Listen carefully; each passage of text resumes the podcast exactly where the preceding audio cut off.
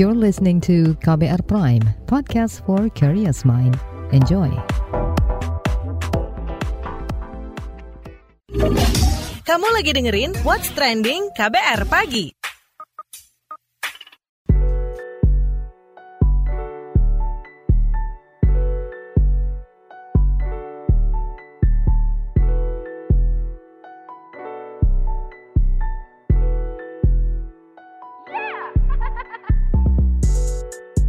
KBR Pagi, siaran pagi radio paling update. Selamat pagi, ketemu lagi dengan saya Don Brady di What's Trending KBR Pagi di hari Rabu 12 Oktober 2022.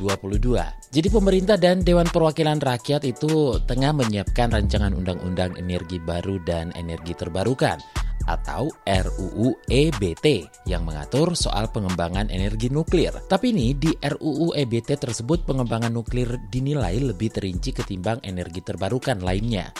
Badan Usaha Milik Negara khusus untuk mengelola nuklir sebagai sumber energi dan Majelis Tenaga Nuklir juga rencananya bakal dibentuk oleh Presiden Joko Widodo.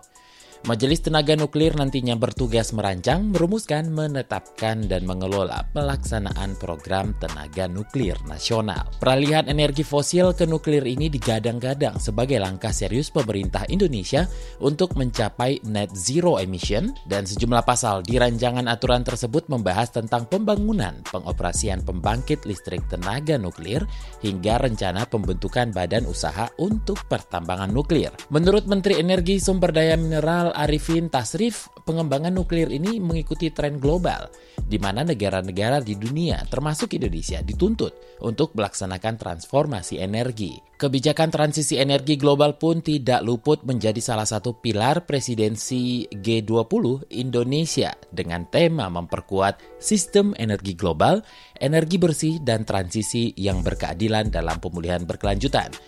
Namun perkembangan energi nuklir ini tidak lepas dari pro dan kontra. Koalisi Masyarakat Sipil untuk Energi Bersih sendiri masih menolak wacana pengembangan nuklir di Indonesia, terutama karena mengkhawatirkan soal keamanannya.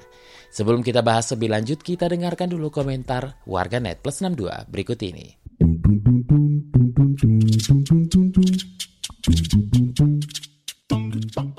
Komentar at XX. Presiden Jokowi tengah menyiapkan badan usaha milik negara BUMN untuk mengelola tambang bahan galian nuklir. Hal itu tertuang dalam rancangan Undang-Undang Energi Baru dan Terbarukan atau EBT.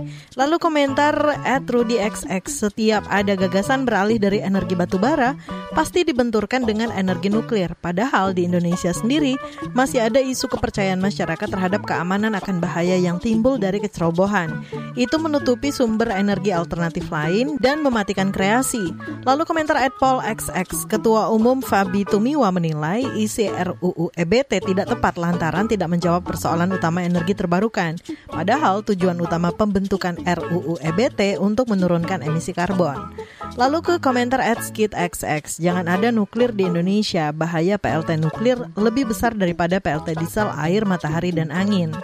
At Raf XX, Indonesia bertenaga nuklir 2025. At Laka XX, gempa bumi be like, hmm, oke. Okay. Ke komentar at Grace XX di Indonesia ini, pulau yang relatif aman dari gempa adalah Kalimantan. Jadi kalau kita mau bangun instalasi nuklir atau hal-hal lain yang butuh keamanan ekstra dari gempa, bagusnya ya di Pulau Kalimantan ini. At Nur XX, saya rasa kita belum siap deh dengan reaktor nuklir. At Beatrix XX, orang Indonesia sukanya ngeributin kepercayaan orang, jadinya nggak maju-maju, padahal negara lain udah bikin nuklir. Dan terakhir at 3XX, Jepang aja nyerah soal radiasi nuklir. Indonesia nggak usah deh coba-coba bangun reaktor nuklir. Kalau nggak mau tambah masalah yang udah banyak. What's Trending KBR Pagi Pro kontra energi nuklir yang rencananya mau dikembangkan di Indonesia yang kita obrolin pagi ini Nah, Ketua Komisi Bidang Energi DPR Sugeng Suparwoto mengklaim telah melakukan berbagai kajian sebelum melakukan energi nuklir dalam RUU EBT. Menurutnya, net zero emission tidak akan mungkin tercapai tanpa pembangunan dan pemanfaatan energi nuklir untuk listrik di Indonesia. Ini dia pernyataan Ketua Komisi Bidang Energi DPR Sugeng Suparwoto kepada KBR 11 Oktober 2022. Harus memperhatikan juga apa yang disebut net zero emission kan. Kalau kita hitung antara kebutuhan listrik di tahun 2060, misalnya kita tetapkan net zero emission di tahun 2060, setelah kita hitung apa yang ada sekarang luncuran karbon yang ada, hampir muskil tanpa nuklir tercapai net zero emission. Itulah hmm. yang menjadi catatan. Jadi nuklir itu adalah sebuah keadaan yang kalau kita mau net zero emission itu harus dengan nuklir. Tanpa nuklir hampir muskil tercapai net zero emission. Ingat, net zero emission kan sudah menjadi kesepakatan global di mana Indonesia di tahun 2060. Kenapa? Karena seperti tadi, pembangkit-pembangkit yang ada ini meluncurkan karbon tinggi sekali seperti saya katakan tadi. E, batu bara kan dominasinya. Dari 72 giga itu, apa hampir 60 persennya lebih adalah pembangkit atau PLTU batu bara. Itu adalah meluncurkan karbon tinggi sekali. Meskipun memang akan ada upaya retirement atau upaya untuk mengurangi PLTU batubara, tetapi sampai tahun 2060 bisa hadapkan pada kebutuhan energi kita yang juga besar di saat itu, apa yang disebut dengan energy security akhirnya. Lantas kalau mau mencapai net zero emission, sekali lagi ya, kan net zero emission itu tanpa nuklir hampir nggak hampir hampir muskil hmm. karena pembangkit-pembangkit yang lain mencurahkan karbon yang masih sangat tinggi yang terdiri dari minyak ada juga PL, PLTD kan dengan diesel-diesel itu, dengan juga gas dan juga batu bara. Ini kan yang PLTA, PLTU, PLTU yang besar meluncurkan karbon. Nah, sementara itu Direktur Jenderal Energi Baru Terbarukan dan Konservasi Energi Kementerian ESDM, Dadan Kusdiana menyebut energi nuklir memiliki nilai keekonomian yang kompetitif. Nuklir juga dianggap menjadi salah satu opsi untuk memastikan penyediaan listrik yang sesuai dengan kebutuhan dan bebas dari emisi. Berikut penuturannya. Kita memang kalau dari sisi program ya nuklir ini dari simulasi kami dari bagaimana upaya mencapai net zero emission di tahun 2060 dengan pemahaman teknologi yang ada sekarang barangkali nuklir adalah menjadi uh, salah satu opsi untuk memastikan bahwa kita menyediakan listrik sesuai dengan kebutuhan dan juga bebas dari emisi. Perteknologi sekarang sudah banyak berkembang. Kemudian dari sisi keekonomian juga ini cukup kompetitif ya. Kan ini proyek-proyek jangka panjang dan skalanya besar. Apalagi sekarang sudah mulai PLTN-PLTN yang skalanya ini skala-skala kecil bisa dikembangkan di pulau-pulau meskipun kita masih lihat nanti apakah bisa dioperasikan oleh tenaga-tenaga lokal ya untuk hal tersebut. Jadi kami memang melihat PLTN menjadi satu opsi di dalam perencanaan jangka panjang dari sistem penyediaan energi khususnya energi listrik di tanah air ya. Tentunya dengan juga mengoptimalkan, memaksimalkan potensi-potensi EBT yang lain yang masing-masing punya karakteristik sendiri ya. Kalau PLTS Surya itu kan sangat dipengaruhi oleh waktu. Tapi kan kita juga berjalan dari sisi teknologi, bagaimana teknologi penyimpanan. Kan listrik itu kalau dipakai di, di waktu yang berbeda, ini kan harus kita simpan dulu. Nah sekarang teknologi-teknologi tersebut, apalagi upaya dari Pak Presiden untuk hilirisasi dari mineral, yang ini juga akan mendorong industri baterai tumbuh di dalam negeri, kemudian nanti akan menggeser dari pola-pola penyediaan energi yang selama ini kita lihat. Misalkan BBM nanti akan bergeser menjadi listrik, sehingga ke depan memang listrik ini akan menjadi satu bentuk energi final utama yang ada di masyarakat. Sedangkan untuk mewujudkan target netral karbon menggunakan energi nuklir, Dewan Pakar Masyarakat Kelistrikan Indonesia Arnold Sutrisnanto menekankan pentingnya aspek keamanan dari teknologi nuklir yang dikembangkan. Kita simak penjelasan Dewan Pakar Masyarakat Kelistrikan Indonesia Arnold Sutrisnanto saat acara Nuclear Energy for Indonesia Prosperity 30 September 2022. Nah, untuk nuklir ini tentunya nuklir mahal ya istilahnya. Nuklir mahal itu terkait dengan teknologinya.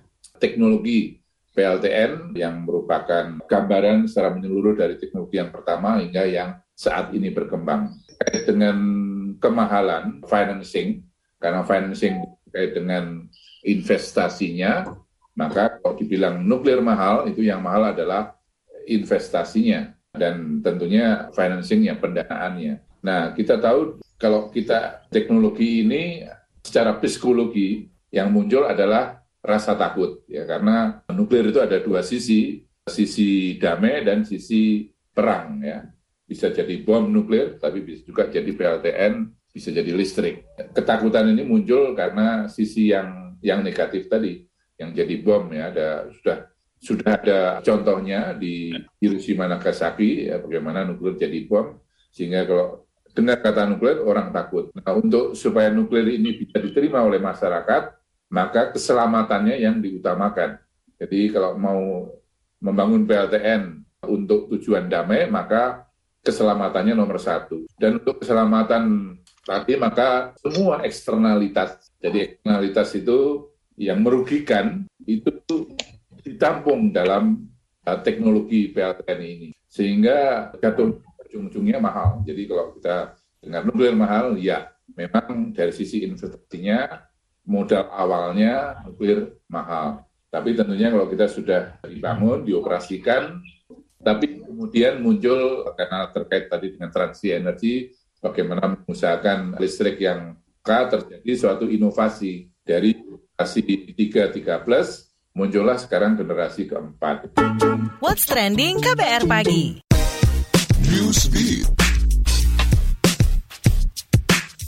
Para astronom di Badan Penerbangan dan Antariksa AS NASA dikabarkan telah menemukan planet-planet yang bisa ditinggali dalam misi pencarian planet baru yang mirip dengan bumi. Beberapa planet yang ditemukan mengorbit di zona yang bisa ditinggali dan ukurannya lebih besar dari bumi. Para astronot menyebut beberapa planet yang ditemukan sebagai bumi super, sebab ukuran yang lebih besar dari bumi namun lebih kecil daripada Uranus dan Neptunus. Melansir Space, bumi super ini dikabarkan memiliki tanda kehidupan di mana ada air dan 70% planet yang ditemukan memiliki samudra yang dalam. Diperkirakan ada 10 miliar bumi super dalam zona yang bisa ditinggali.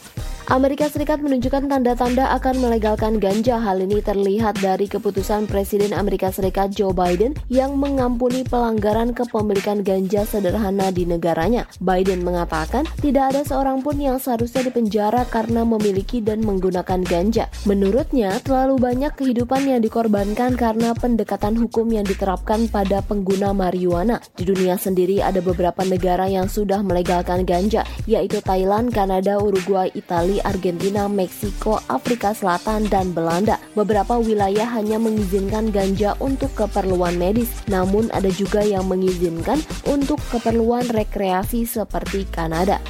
Timnas Indonesia U17 dipastikan gagal lolos ke Piala Asia U17 yang akan berlangsung tahun depan usai digelarnya kualifikasi Piala Asia U17 2023. Kepastian itu diketahui setelah akhirnya laga Arab Saudi melawan India pada laga pamungkas grup D kualifikasi Piala Asia U17 dimenangi oleh Arab Saudi. Arab Saudi lolos sebagai juara grup D sementara India akan tampil di putaran final lewat status runner-up terbaik. Skuad asuhan Bima Sakti tidak bisa melangkah karena tak masuk dalam posisi 6 tim terbaik yang bisa lolos melalui jalur runner-up terbaik. Timnas Indonesia U17 persis berada satu strip di bawah Laos yang menghuni posisi ke-6 klasemen runner-up terbaik. Kegagalan Indonesia lolos ke Piala Asia U17 tidak lepas dari kekalahan telak 1-5 kontra Malaysia di Stadion Pakansari Cibinong Bogor.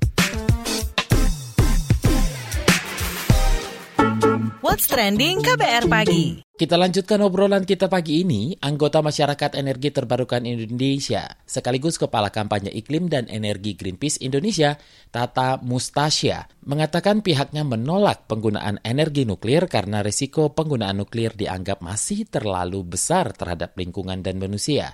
Ia menyebut mahalnya biaya pengembang nuklir masih jadi persoalan. Pengembangan nuklir juga dianggap terlalu lama dan tidak efisien untuk perubahan energi terbarukan dalam rangka net zero emission. Ini dia keterangannya kepada KBR 11 Oktober kemarin. Kan kalau di draft terbaru yang 22 April itu ada nuklir, ada hidrogen, ada batu bara tercairkan, ada batu bara yang digaskan, coal gasification, bentuk energi baru lainnya. Kenapa dibajak? Karena supaya dapat insentif yang pada akhirnya nanti selain ini hanya kepentingan pihak tertentu yang bermain yang yang ada di, di bisnis nuklir nantinya ini juga nantinya akan menghambat percepatan pengembangan yang kita barukannya itu sendiri. Yang pertama tentu yang kita ketahui bersama dari resikonya. Resikonya sangat besar bahkan di negara-negara negara-negara maju sekalipun ini problematik ya seperti apa yang terjadi di Chernobyl, di Fukushima. Resikonya terlalu besar, dampak terutama kepada manusia dan lingkungan sekaligus. Nah, lalu yang kedua biayanya biayanya juga sangat mahal uh, dan tidak efisien untuk di untuk kita kembangkan apalagi di negara berkembang seperti seperti Indonesia. Jadi seperti itu konteksnya. Dan yang ketiga, lama. Jadi kalau kita bicara transisi energi dengan pakai nuklir, jadinya lama sehingga beda dengan energi matahari. Misalnya Vietnam bisa ngebut berapa belas giga dengan energi matahari karena memang prosesnya cepat. Energi matahari ini pembangunannya sangat berbeda dengan energi nuklir. Sehingga kita akan bisa akselerasi pemenuhan energi. Katakanlah kita nggak memperhitungkan resiko, nggak memperhitungkan lingkungan, nggak memperhitungkan biaya, tapi jadinya pun itu lama gitu. Uh, sehingga nggak pas untuk kebutuhan energi Indonesia yang butuh uh, energi segera. Lebih lanjut soal kritik mengenai rencana pengembangan energi nuklir di Indonesia, kita sudah terhubung dengan manajer kampanye Wahana Lingkungan Hidup Indonesia, Walhi Dwi Sawung.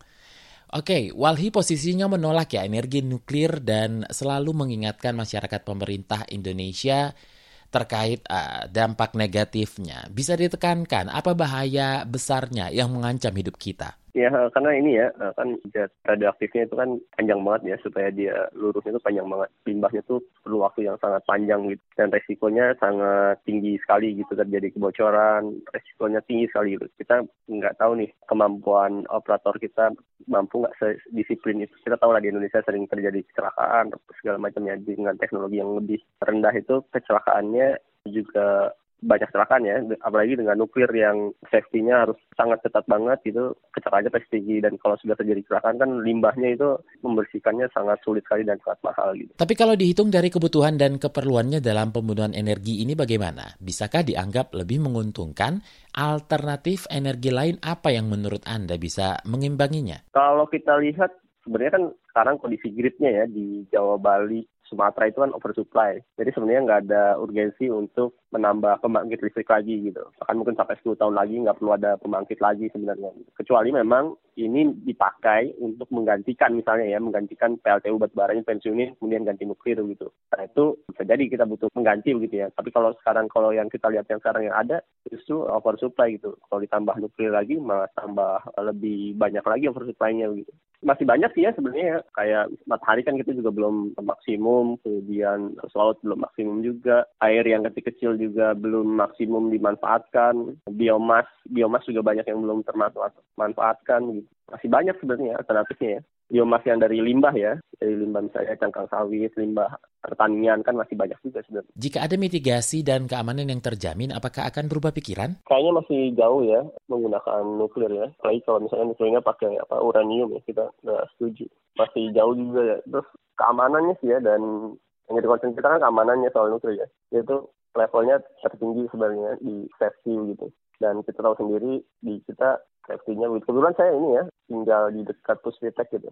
Uh, itu yang isinya banyak orang pinter, katanya punya safety yang lebih baik. Tapi kejadian juga tuh limbah nuklir dibawa ke, ke rumahan, ke Batan, rumahan Batan bertahun-tahun begitu ya dibuang begitu kejadiannya sulit. Nah menurut catatan Walhi sendiri, apa sih kelemahan dan pengembangan nuklir di Indonesia yang mesti dievaluasi ulang oleh pemerintah sendiri? Proses bangunannya lebih inklusif, kemudian juga betul-betul terbuka, kemudian perhitungan resikonya betul-betul dihitung dengan benar, kemudian antara operator dan pengawas benar-benar di benar-benar disiplinnya betul, kemudian juga sebenarnya otoritas pengawas punya kewenangan yang besar gitu ya, tidak bisa diintervensi oleh siapa pun begitu. Tapi kan kita masih sulit ya, kadang-kadang diintervensi sama atasannya supaya enggak melakukan sesuatu apa harusnya melakukan sesuatu dia tidak melakukan sesuatu sering kali terjadi. Nah itu yang masih sulit sebenarnya di situ ya. Misalnya contohnya misalnya dia harusnya e, melakukan X gitu ya.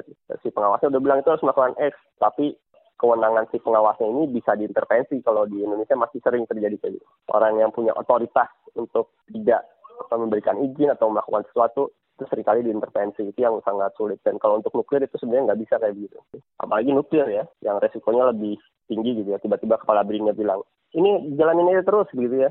Saya pokoknya harus begini harus begini. Di nuklir nggak bisa seperti itu. Orang yang punya keahlian dan otoritas ya dia yang bertanggung jawab gitu. Nggak bisa diintervensi gitu ya seperti itu ya. Sangat jauh masih jauh lah.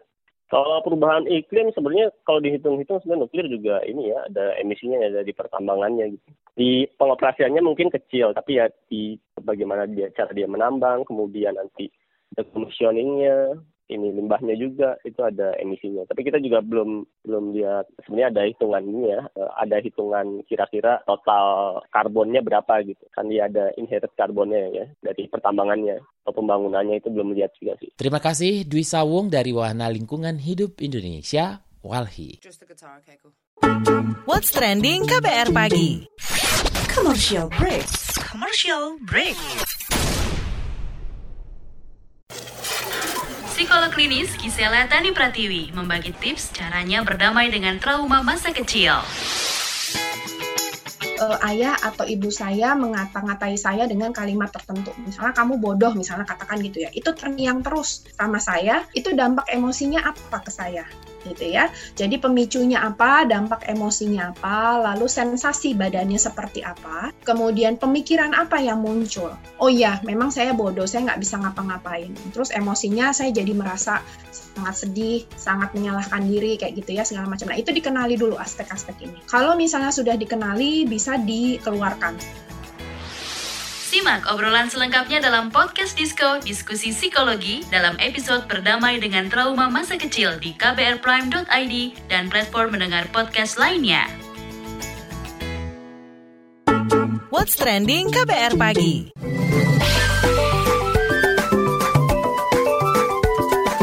WhatsApp Indonesia.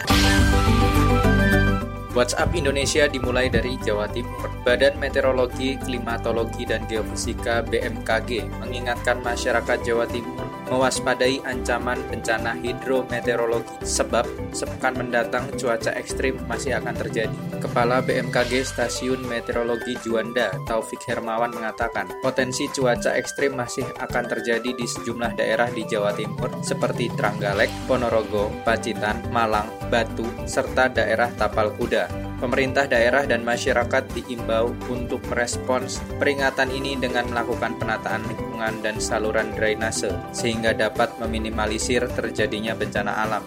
Ia menambahkan, cuaca buruk di Jawa Timur dipengaruhi oleh fenomena global La Nina dan gelombang Rossby. BMKG menyebut curah hujan tinggi akan mencapai puncaknya pada Desember dan Januari mendatang. Masih dari Jawa Timur, kita menuju Jombang. Sebanyak puluhan ribu peserta mengikuti tari remo boletan massal yang digelar Pemkap Jombang di alon-alon setempat selasa lalu. Selain memperingati hari jadi Pemkap Jombang yang ke-112, tarian massal ini juga untuk melestarikan budaya daerah. Tari remo boletan massal ini diikuti oleh para pelajar dari segala jenjang, mulai dari PAUD hingga SMA. Bahkan juga seluruh ASN aparatur sipil negara, bahkan juga seluruh ASN setempat. Bupati Jombang, Munjidah Wahab mengatakan, Remo Boletan sendiri merupakan tarian asli Kabupaten Jombang, maka dari itu keberadaannya harus dijaga dan dilestarikan. Selain itu, lautan manusia yang memenuhi pelataran alon-alon Jombang saat menari Remo Boletan itu sukses memecahkan rekor muri Museum Rekor Indonesia. Tercatat sebanyak 41.112 peserta yang menari dengan kompaknya tarian asli Jombang ini.